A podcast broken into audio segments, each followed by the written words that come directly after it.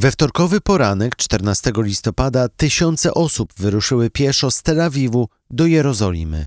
Po pięciu dniach i po pokonaniu 70 kilometrów wszyscy dotarli przed siedzibę premiera Izraela. Tam do maszerujących dołączyli kolejni i w sumie w największej manifestacji od rozpoczęcia wojny z Hamasem wzięło udział 30 tysięcy osób. Marsz zorganizowały rodziny porwanych przez Hamas Izraelczyków.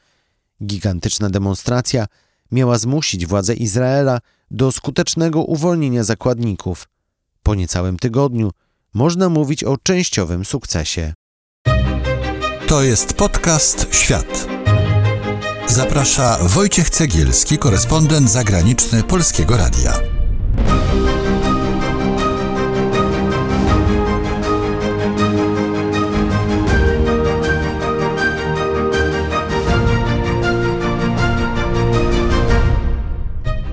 Jest porozumienie między Izraelem a Hamasem o zawieszeniu broni w gazie.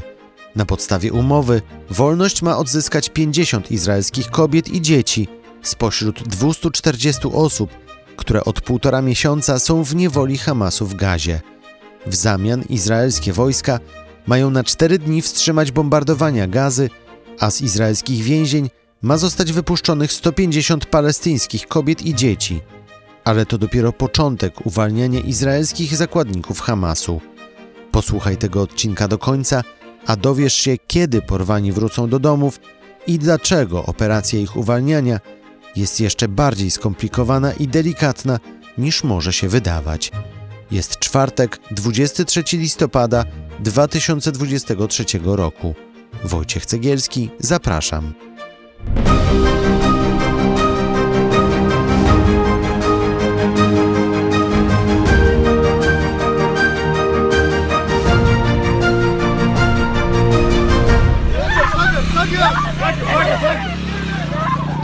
Siódmego października 2023 roku Hamas w czasie szturmu na Izrael nie tylko zabił 1200 osób, ale także porwał około 240 izraelskich i międzynarodowych zakładników i wywiózł ich do gazy.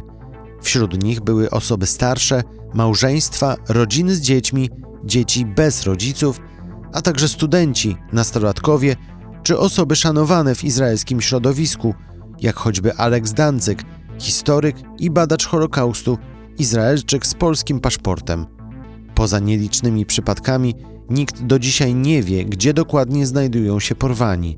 Przypuszcza się, że spora ich część trzymana jest przez Hamas lub islamski dżihad w podziemnych tunelach. Nie wiadomo też, ilu spośród zakładników żyje. Kilka dni po porwaniu głośno było o przypadku Shani Luk, młodej dziewczyny porwanej z festiwalu muzycznego na pustyni Negev, której ciało było pokazowo obwożone po gazie, a już po rozpoczęciu inwazji lądowej izraelscy żołnierze znaleźli ciała dwóch kobiet w szpitalu Al-Shifa.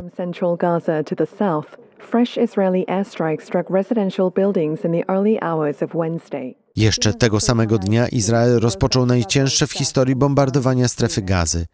Pociski spadały na cele związane z Hamasem, ale także na cywilne domy, szkoły prowadzone przez ONZ, szpitale czy kościoły. W chwili, gdy nagrywam ten odcinek, strona palestyńska mówi o ponad 14 tysiącach zabitych w gazie. Jedna trzecia z nich to dzieci.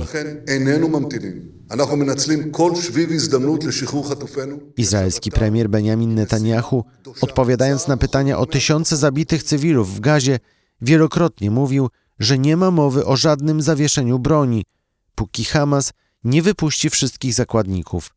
Ale po niemal 50 dniach wojny i wielu dniach zakulisowych negocjacji prowadzonych przez Katar, okazało się, że zawieszenie broni nastąpi na cztery dni.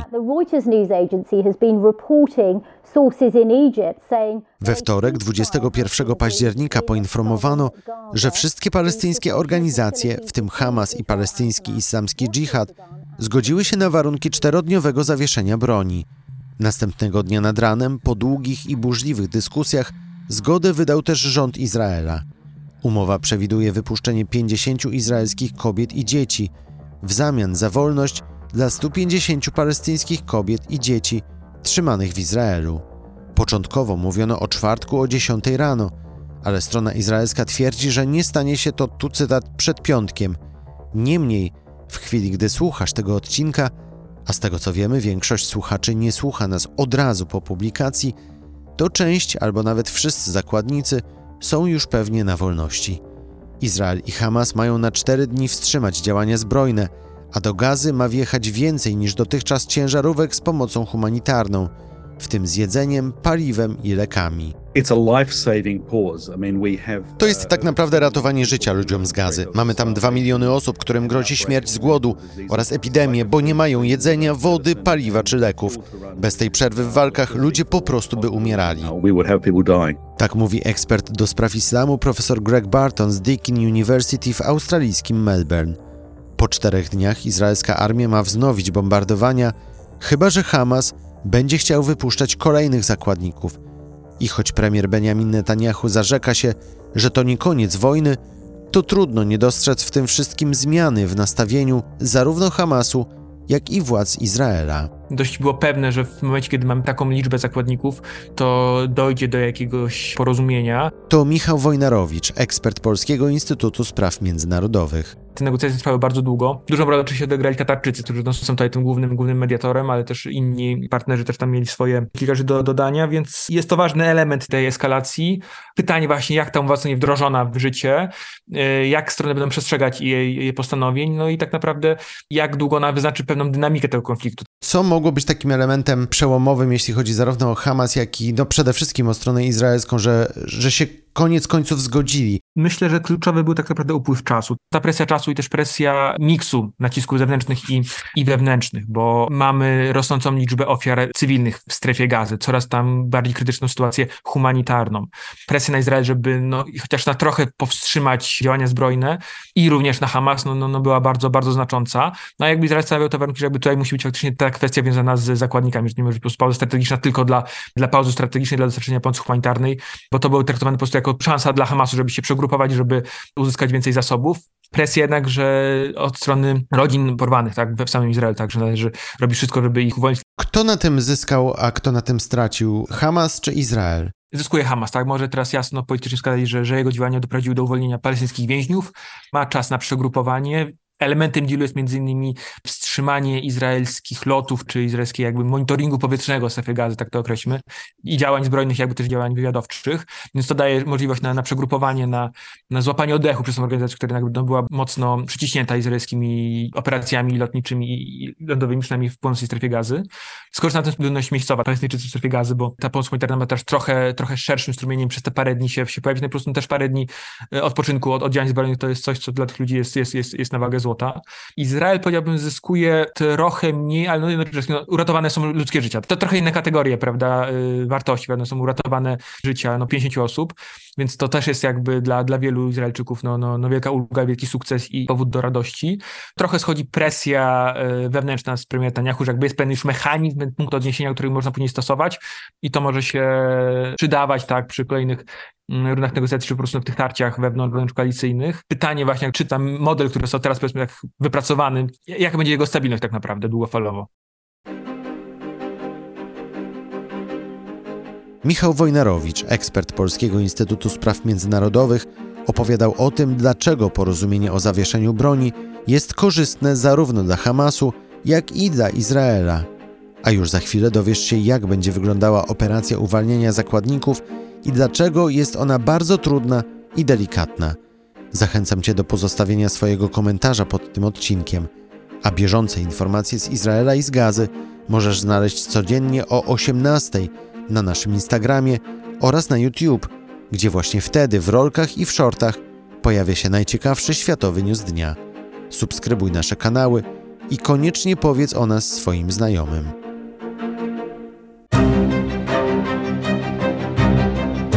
To jest podcast Świat.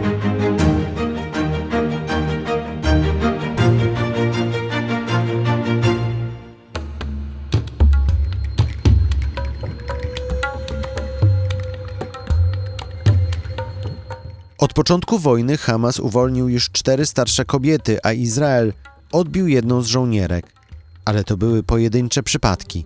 W chwili, gdy nagrywam ten odcinek, Niewiele jeszcze wiadomo, jak dokładnie ma wyglądać przekazanie 50 zakładników stronie izraelskiej.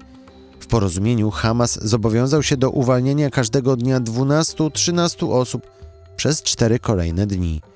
Porwani mają być przekazani przez Czerwony Krzyż na granicę z Egiptem, tam sprawdzeni przez izraelskie służby oraz lekarzy, a następnie mają zostać przewiezieni do Izraela.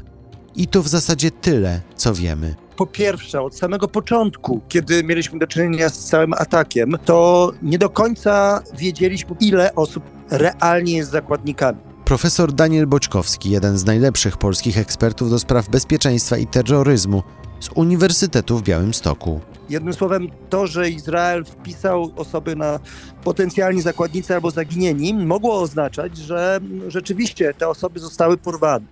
Ale z informacji, które krążyły wówczas na różnych tam portalach, wiemy, że z jednej strony rzeczywiście Hamas wszedł po to, by porwać jak najwięcej osób, w tym żołnierzy, i wymienić, bo takie było pierwotne założenie, wymienić to na wszystkich potencjalnych więźniów e, w Izraelu. Rzeczywiście, gdyby ta akcja się tak potoczyła, to Hamas by dużo zyskał. Ale wraz z Hamasem w tej operacji brał udział także islamski dżihad, a potem jak sam Hamas przyznaje, to wszystko wymknęło się spod kontroli, bo przez te płoty przyszedł każdy, kto chciał. Jednym słowem, zapewne część tych osób Hamas porwał osobiście jako zakładników. Część tych osób mógł także zatrzymać sobie islamski palestyński dżihad. Część tych osób także mogła trafić w jakieś inne ręce. Nie wiemy, ilu zginęło od razu. Nie wiemy, ilu zginęło w czasie bombardowań i operacji. Mamy niewielkie tam materiały które wskazywały na przykład, że, że kilka osób pojawiło się w szpitalu Al-Shifa, a potem z kolei Izrael potwierdził, że niektóre osoby widoczne na przykład na tych zdjęciach znaleziono zabite w okolicznych budynkach. Y, więc y, rzeczywiście nawet nie wiemy, ile tych y, osób jest w rękach bezpośrednio Hamasu, a przynajmniej tych sił Hamasu, które, nad którymi jest teraz kontrola i które mogą tych zakładników wydać.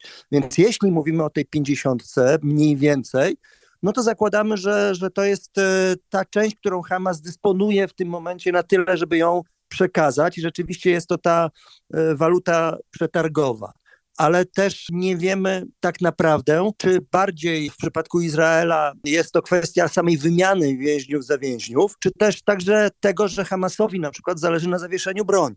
Bo nie łudźmy się, być może ważniejsze jest w tym momencie przegrupowanie sił, przygotowanie potencjalnych pułapek, miejsc, ewakuacja części osób z obszarów, na których nie mają szans się bronić, bo jednak Izrael bardzo bezwzględnie tą całą infrastrukturę niszczy. No, a Netanyahu nie ma innego wyjścia, no bo właśnie parę dni temu miał do czynienia z marszami rodzin, które cały czas pytają się, czy Izrael zamierzał poświęcić wszystkich zakładników, czego wcześniej nigdy nie robiono. Pamiętajmy, jakie były zasady armii izraelskiej i państwa Izrael, jeżeli chodzi nawet o ciała poległych, które znalazły się w rękach e, Hamasu. Wydawać by się mogło, że sama operacja przekazania będzie bardzo prosta. Dwie strony się spotykają, jest też Czerwony Krzyż i wszyscy podają sobie ręce i jest yy, sprawa rozwiązana. Ale wcale to może tak nie wyglądać, biorąc pod uwagę, że Hamas choćby będzie bał się, żeby nie namierzono ich kolejnych kryjówek czy też yy, centrów dowodzenia. Oczywiście, no to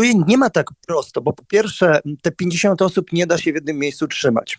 E, nie teraz i nie w tej infrastrukturze, która jest, chyba że gdzieś w jakichś tych e, przestrzeniach e, tuneli podziemnych, gdzie na upartego no można by tych ludzi zapędzić, ale widać wyraźnie, że Hamas nie ufa Izraelowi. Obstawiam, że Izrael także nie do końca ufa Hamasowi, stąd podział na to, że po kilkanaście mniej więcej osób ma być każdego dnia wydawanych, czyli prawdopodobnie Hamas będzie z różnych tam miejsc dowoził te osoby, aby właśnie nie dopuścić do namierzenia ich kryjówek, a Izrael prawdopodobnie będzie y, w ten sposób właśnie wymieniał, aby każdego dnia był powód do utrzymania tego zawieszenia broni. To jest trudne, bo tak naprawdę też nie wiemy, y, jak wynegocjowano to. Czy rzeczywiście jakiekolwiek siły Czerwonego Krzyża tam są, które mogłyby działać, czy też będą to kwestie mm, jakichś innych y, osób, które zostaną wyznaczone. Pamiętajmy, że mm, to nie były rozmowy bezpośrednio Hamas-Izrael, tutaj y, bardzo duża rola była jednak negocjatorów, między innymi z Kataru, plus pewnie jakichś osób, o których nie wiemy i nie zostaną ujawnione. Więc tym razem operacja wymiany jest niezwykle skomplikowana logistycznie i obarczona bardzo dużym ryzykiem także dalszej eskalacji, bo tu jest bardzo dużo niewiadomych.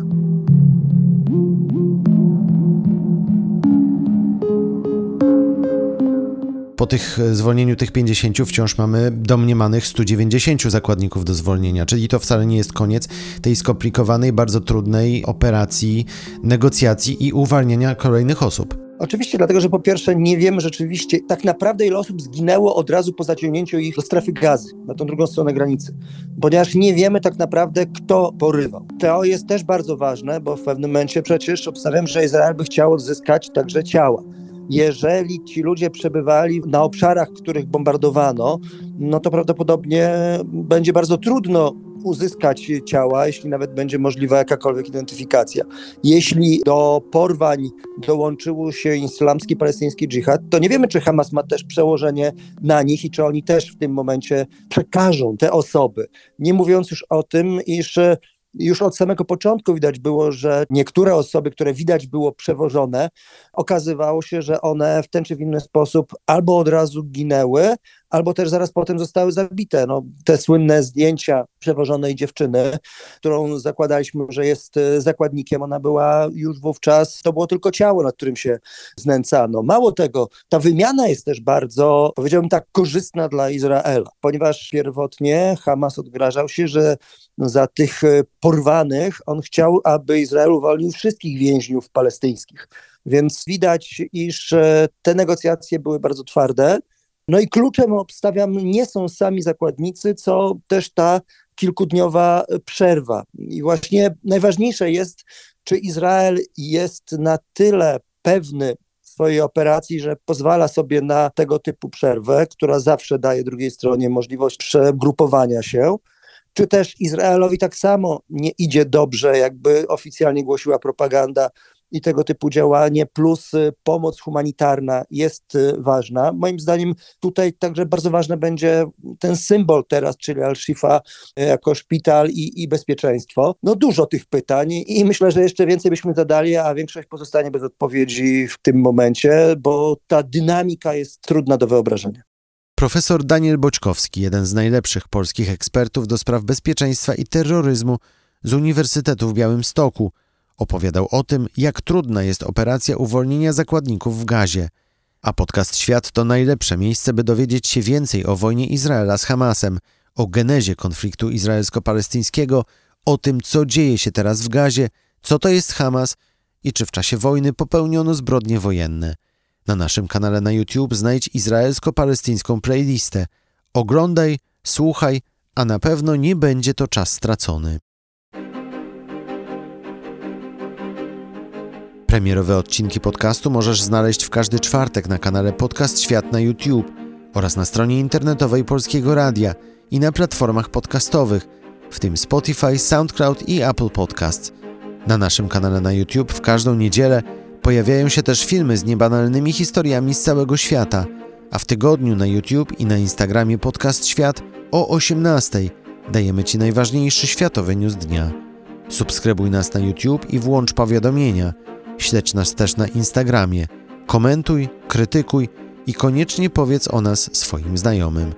Teraz to wszystko. Ja nazywam się Wojciech Cegielski. Dziękuję za uwagę i wracam za tydzień. To był podcast Świat. Do usłyszenia w kolejnym odcinku.